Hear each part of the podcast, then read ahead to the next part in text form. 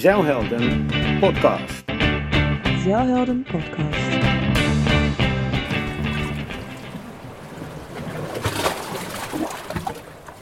Hallo allemaal, eh, ik ben Erik de Jong, eh, aan boord van het Zeiljacht Begera.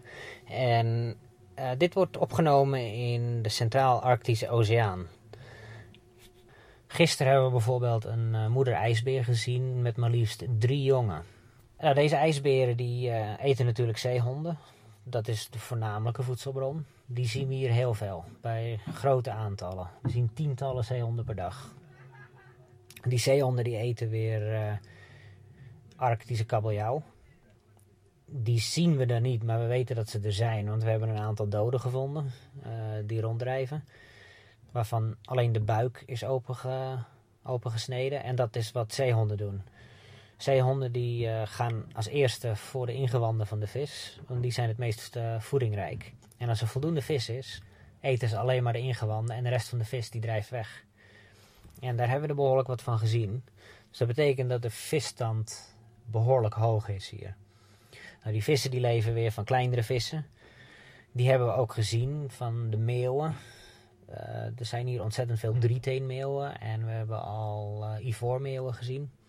Ook eh, kleine jagers, middelste jagers en grote jagers hebben we hier gezien. En die eten allemaal de wat kleinere vissen. En regelmatig zien wij vogels vliegen met een vis in de bek. Die kleinere vissen die voeden zich op plankton. En eh, Tim Gordon is ons eh, hoofdwetenschapper. Die heeft drie maal per dag 20 minuten een net achter de boot hangen. Waarmee we plankton uit het water filteren. Heel fijn mazig net. Dat wordt in flesjes gestopt en er wordt eh chemicaliën bij gedaan om het te conserveren. En die worden nadat wij eh, weer terug zijn in Alaska, worden die naar een laboratorium toegestuurd om eh, aantallen, soorten en allerlei andere zaken uit te zoeken.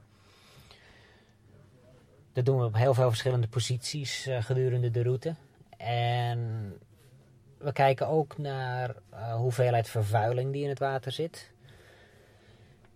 Dat kan in de vorm van eh, bijvoorbeeld eh, microscopisch kleine deeltjes plastic. Die worden op de wind worden die afgevoerd van de bewoonde wereld en in de vorm van regen of eh, mist kan dat neerdalen op het wateroppervlak en dan vermengt het met het water en het blijft in het water. Er is een Canadees onderzoek geweest in het Canadese gedeelte van het Arctische gebied, eh, wat niet heel erg goed is uitgevoerd, omdat ze alleen maar metingen hebben gedaan op een heel beperkt aantal plekken. Maar dat toonde aan dat er behoorlijk wat plasticvervuiling in het Arctische Oceaan aanwezig is. Wij spreiden dat nu uit en wij gaan diezelfde metingen doen door een, een fijnmazig net achter de boot aan te trekken en alles op te filteren. En dat doen wij eh, verschillende malen per dag. En wij gaan eh, zo ongeveer 3000 mijl afleggen in de Arctische Oceaan. Dus dat zijn een behoorlijk aantal posities over een heel groot gebied, wat op die manier wat systematischer in kaart gebracht kan worden. En op die manier hoopt eh, Tim een beter beeld te krijgen van eh, vervuiling en hoe dat verspreid is en hoe dat op de stroming meegaat en daardoor mogelijk zelfs eh, de oorsprong van het plastic eh, te achterhalen. Een andere vraag die gesteld is, ehm, is wat zijn de temperaturen? Nou, daar kan ik een heel leuk verhaal over vertellen. Ik heb deze boot nu negen jaar en eh, ik heb al heel wat in het Arctische gebied gevaren en ook eh, eigenlijk altijd in koud water overwinterd, eh, aan boord gewoond. En ik heb altijd gewoon mijn watertanks kunnen gebruiken. Maar we zitten hier in zeewater en zeewater kan kouder worden voordat het bevriest dan dat zoetwater kan. En mijn watertanks die zitten tegen de huid van de boot aan. En gisterochtend kreeg ik geen water meer uit mijn tank vandaan. En ik heb in het verleden wel eens gehad dat er een vliesje ijs op, eh, op de bovenkant van de watertank lag. En dan kon je gewoon het water onder het ijs vandaan eh, even goed gewoon oppompen. Nu echter, na lang zoeken, ik zat eerst aan allerlei verstoppingen te denken en een pomp die niet meer goed werkte en een membraan waar mogelijk een, een gaatje in zat en die valse lucht aanzoog. Uiteindelijk heb ik de tank opengeschroefd en er zat een paar centimeter dikke ijslaag tegen de huid van de boot aan. En dus ook op het diepste punt van de tank waar die opzuigpijp zit. En die opzuigpijp die zit nu dus vol met ijs, dus ik kan mijn drinkwater niet uit de tank krijgen. Dat geeft dus aan dat de zeewatertemperatuur negatief is.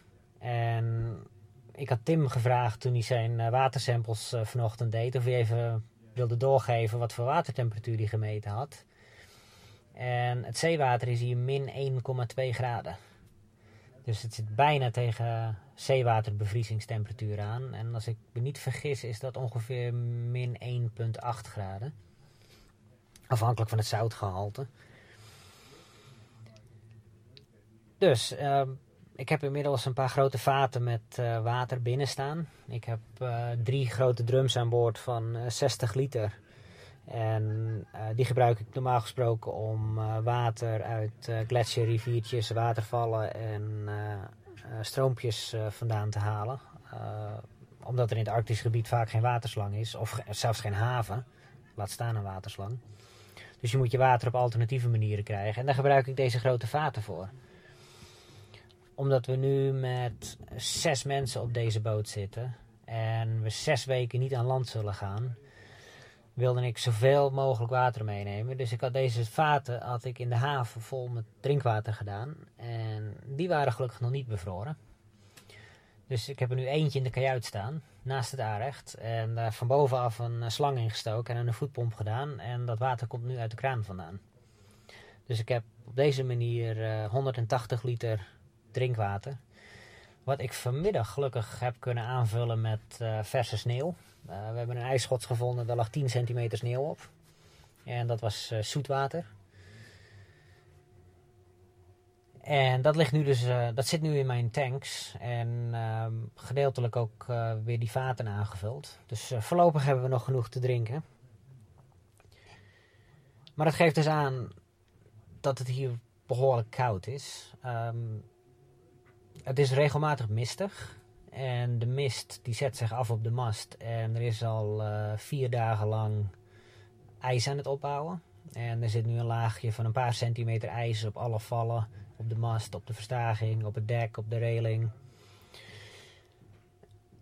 Gelukkig is het dek nog ijsvrij, dus het is niet glad.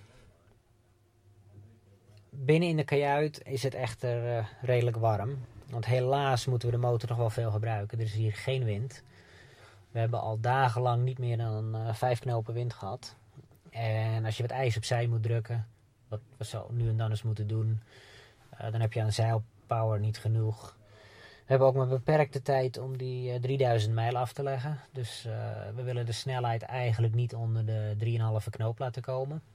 Tenzij we afgeremd worden door ijs, dan, dan moeten we genoegen nemen met langzamere snelheid.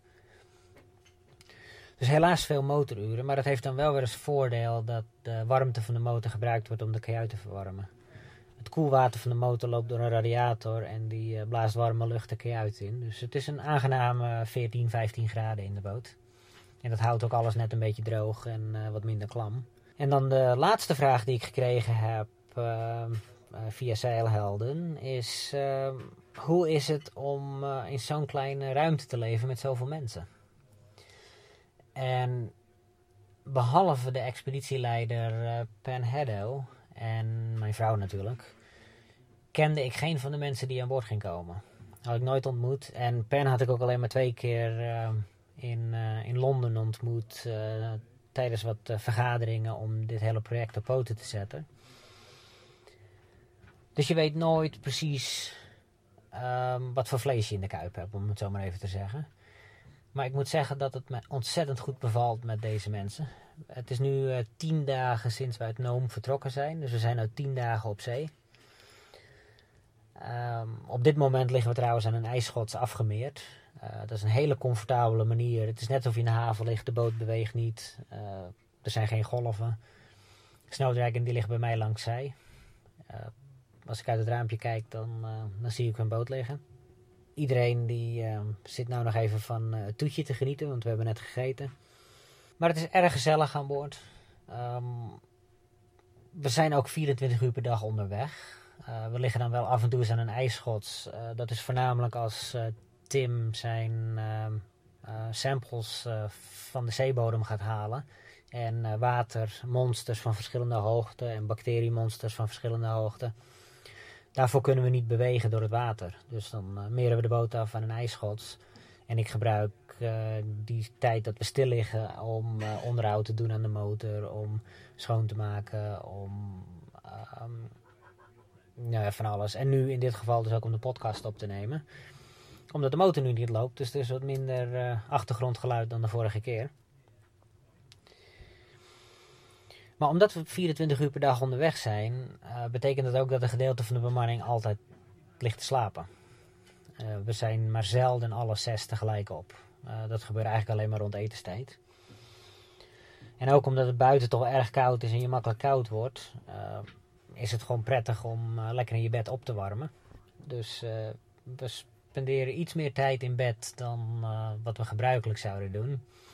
Dat wordt ook lezend doorgebracht. dus we zien elkaar niet zo heel veel. Maar de tijden dat we elkaar zien is het erg gezellig. hoop grappen over en weer. Iedereen kan het goed vinden met elkaar.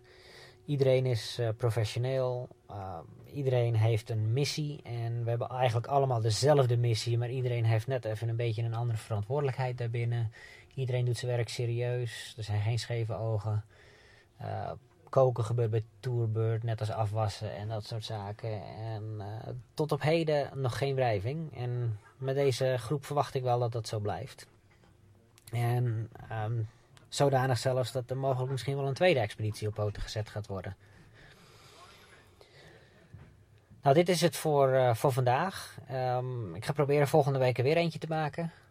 Mochten jullie vragen hebben, stuur ze naar de redactie van Zeilhelden. En uh, zij zorgen ervoor dat het uh, bij mij aan boord terechtkomt. En met alle plezier ga ik die vragen beantwoorden. Tot later.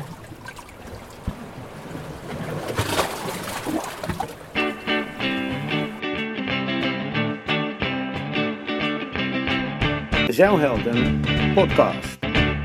Zeilhelden podcast.